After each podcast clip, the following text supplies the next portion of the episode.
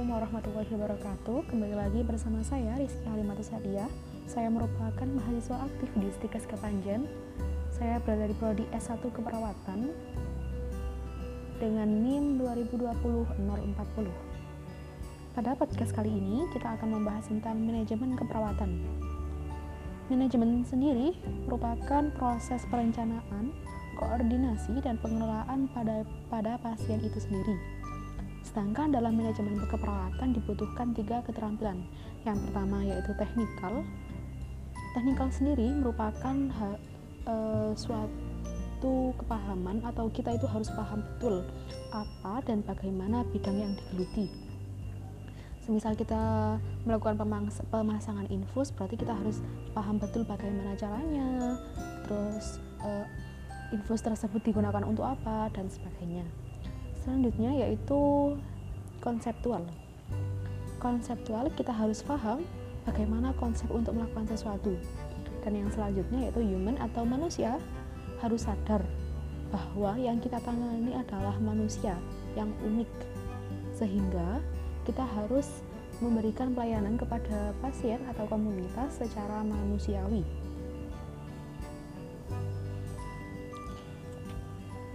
Topik selanjutnya yaitu proses manajemen kasus dalam pelayanan keperawatan kesehatan komunitas.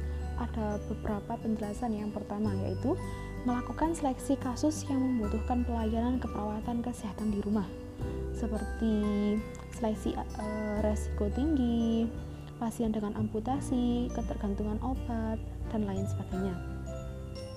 Proses selanjutnya yaitu membuat perencanaan penyediaan pelayanan Contohnya seperti membuat planning kunjungan atau rencana kunjungan, jadwal kunjungan, seperti apabila kita melakukan uh, kunjungan ke rumah masyarakat atau rumah warga, seperti itu.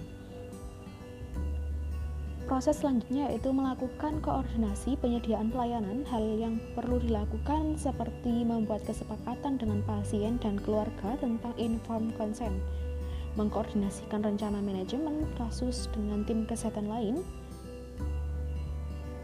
bekerja sama dengan tim kesehatan lain dalam memberikan pelayanan, serta melakukan rujukan jika dirasa kondisi pasien memang perlu untuk dirujuk ke vaskes lain. Proses selanjutnya yaitu melakukan pemantauan dan evaluasi pelaksanaan pelayanan Hal yang harus dilakukan yang pertama adalah memonitoring tindakan yang dilakukan oleh tim kesehatan serta memantau perkembangan pasien. Contoh selanjutnya atau hal yang harus dilakukan selanjutnya yaitu menilai respon atau hasil akhir pelayanan guna membuat keputusan tentang penghentian perawatan di rumah. Jadi, gunanya dari menilai respon atau hasil akhir dari pelayanan adalah agar kita bisa membuat keputusan apakah pelayanan kepada pasien tersebut harus dilanjut atau diberhentikan.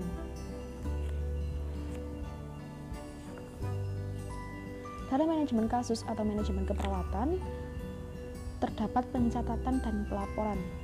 Pencatatan sendiri ada dua, yaitu manajemen kasus dan juga pencatatan maaf maksud saya pencatatan sendiri ada dua yaitu manajer kasus serta pelaksanaan askep Manajer kasus bertanggung jawab untuk membuat dokumentasi tentang pelayanan yang diberikan dengan meminta masukan dari tenaga kesehatan yang merawat pasien.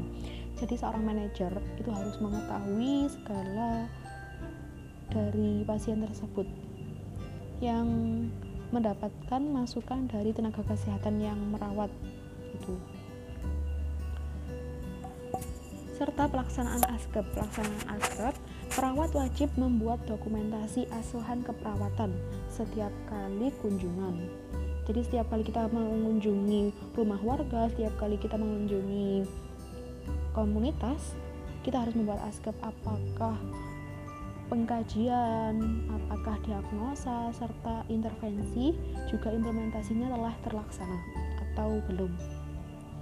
Selanjutnya yaitu pelaporan. Pelaporan manajer kasus secara rutin memberikan laporan kepada pengelolaan maksud saya pengelola pelayanan keperawatan di rumah